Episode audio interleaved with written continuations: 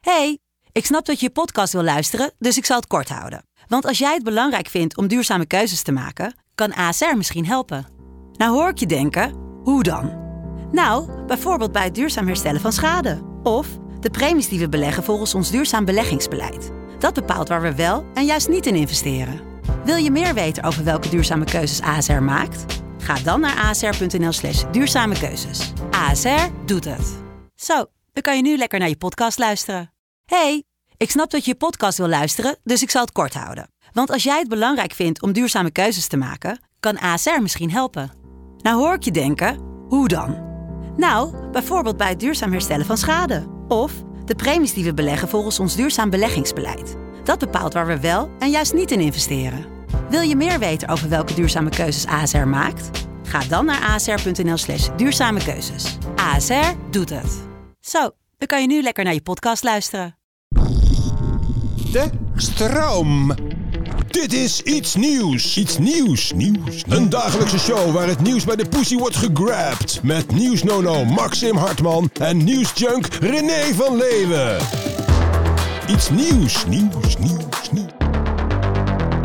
Goedemorgen. Goedemorgen. Het gaat, de week gaat snel. Het is alweer woensdag. En we zijn extra vroeg, vijf voor half zeven. Ja, want we moeten wel die Gijs Groenteman en Marcel van Roosmalen verslaan qua tijd. Kom op zeg. Het hoofd van de Hongaarse Weerdienst die is ontslagen Ja, waarom? na een niet uitgekomen voorspelling. Want er was, er, was er niet eh, sprake van een vuurwerkshow die dan eigenlijk wel of niet zou doorgaan? Klopt. Ik vind het overigens wel een goede waarschuwing. Dat als je iets niet zeker weet, of je nou weerman bent of iets anders, hou gewoon je bek. Ja, maar dat is toch het beroep van een weerman om het te voorspellen. En je weet het toch nooit zeker? Nou, een weerman is toch niet een voorspeller? Ik vind een voorspeller echt iemand die op eh, Astro TV werkt. Zoals Joke. ja, Ken je die nog? nee. Stopt hij er maar even tussen. Nee, hij heet geen Henk. Het was dus inderdaad in, Hon- het was in Hongarije, eh, dus het land van eh, premier Orbán. Dat is een totalitaire gek. Ja, en die gaf een vuurwerkshow en die werd uitgesteld, onnodig. Nou ja, dat is toch terecht dan, dat je ontslagen wordt. Als je je werk niet goed doet, als jij je werk niet goed doet, jij bent niet goed voorbereid, dan, dan of ik, dan worden, worden we ook ontslagen. We moeten eigenlijk gewoon stoppen met het voorspellen van weer. Sowieso dat gelul over het weer. Wij doen het nu ook aan het einde, omdat het heel goed scoort. Mensen zitten alleen maar op dat weerbericht van jou te wachten. Die ploegen echt die, die hele podcast door om te denken... wanneer komt hij met dat weerbericht? Dat is het enige wat ze echt interesseert de mensen. Het is zo droevig gesteld eigenlijk met de mensheid. En wist je dat Gerard Reven, ken je die nog, die schrijver? Jawel. Die was vroeger helemaal verliefd op Gerrit, Hi- Gerrit Hiemstra. Stuurde hem allemaal geile eh, brieven. Is dat echt zo? Is echt waar. Die zat alleen maar gewoon eh, te masturberen terwijl hij dat weer deed. Onze grote schrijver Gerard Reven. Lees die man. De hashtag bestaat 15 jaar vandaag. Gefeliciteerd. Ja, ik vind het een raar woord, hashtag. Ik denk, ik denk altijd aan wiet of hash, snap je? HSJ. Oh ja, dat het een soort tag is aan, aan de hash. Ja, Met het label van de merknaam. want wa- waarom heet het hash? Hash. Wat is hash? Waarom heet het zo? Goeie vraag, ik weet het niet. Nou, lekker, lekker voorbereid jij. En, ik heb begrepen, er zit helemaal geen patent op. Hè? Het is verzonnen door een man, Chris Messina. Ja, Heel lang geleden al, 15 jaar geleden dus. mooie naam. Die heeft daar de- ja, zeker een mooie naam. Een beetje een sexy, eh, sexy paaldanser, denk je dan. Chris Messina. Maar die man heeft dus eh, besloten om daar geen patent op te zetten. Want anders was hij natuurlijk schat rijk geworden. Ja. En dat vind ik ook wel lief dat hij dat doet. Hij vindt gewoon dat hashtag is belangrijk dat iedereen het kan gebruiken. Want zelfs jij en ik, René, kunnen een hashtag maken. Nu. Hashtag iets nieuws. Ik ga mezelf nu hashtaggen. Hashtag Maxim.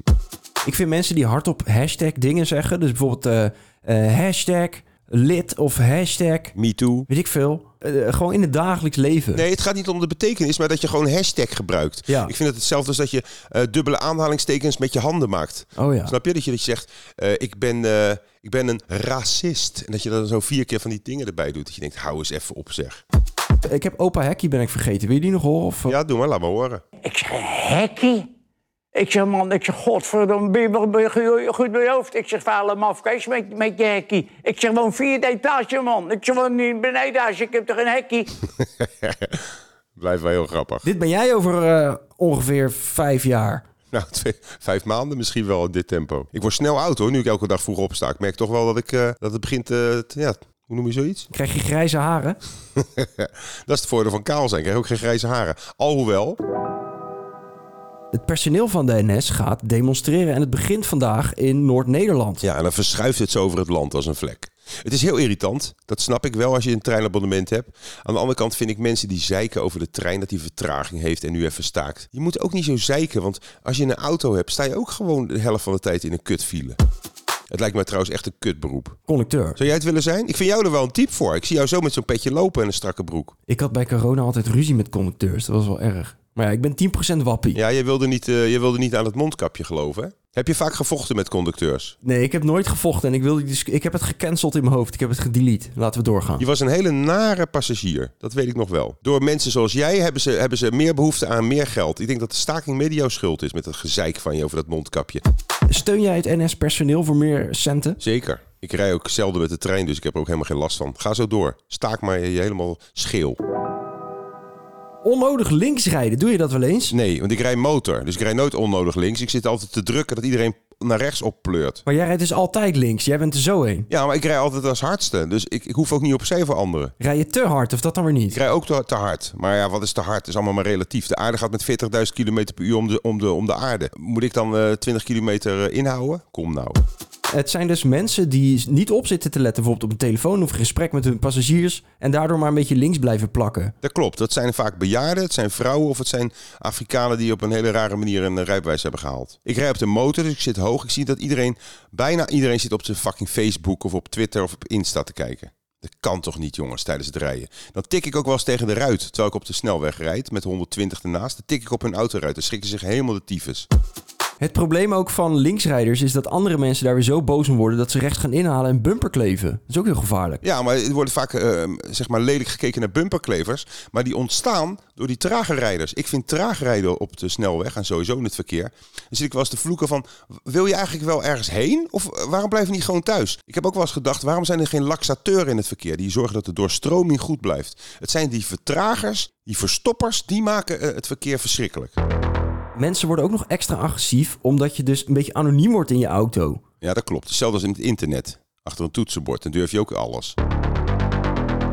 Herken je dit? Oh jezus. Ik heb nu al kippenvel. Oh godverdomme. Dit is zo eng. Sst, Wil je het alsjeblieft uitzetten? Ik zit echt zweet tussen mijn reet. Alsjeblieft. Oh jezus. Ik zie het weer helemaal voor me.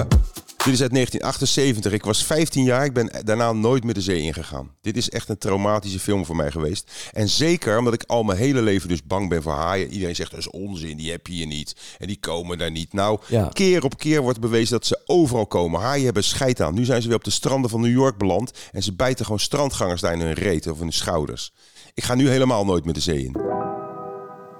En ik had nog één zelf ook een nieuwtje. Het, de, de muntjes bij de winkelwagentjes gaan weg bij de AH. Ja, bij de Albert Heijn. Ja, waarom? Waarom waren die er sowieso? Wat was het de functie daarvan? Omdat mensen die, die winkelwagens gewoon mee naar huis nemen. Dat deed ik vroeger ook toen ik student was. Ja, dus. En dan voor een 50 cent of een euro ga je ze terugbrengen. Weet je wat zo'n wagentje kost? Die is wat 200 euro waard. Dat slaat toch helemaal nergens op?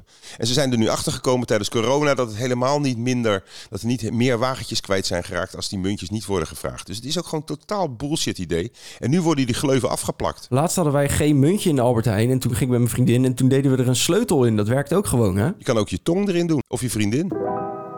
Hè hè, we kunnen weer ontspannen. En de mensen zijn weer op de hoogte. Het is zo fijn om een dienstverlenend beroep te hebben. Dat je iets kan betekenen voor de samenleving. Heerlijk. Zeker. Tot morgen. Dit was Iets Nieuws. Tot morgen.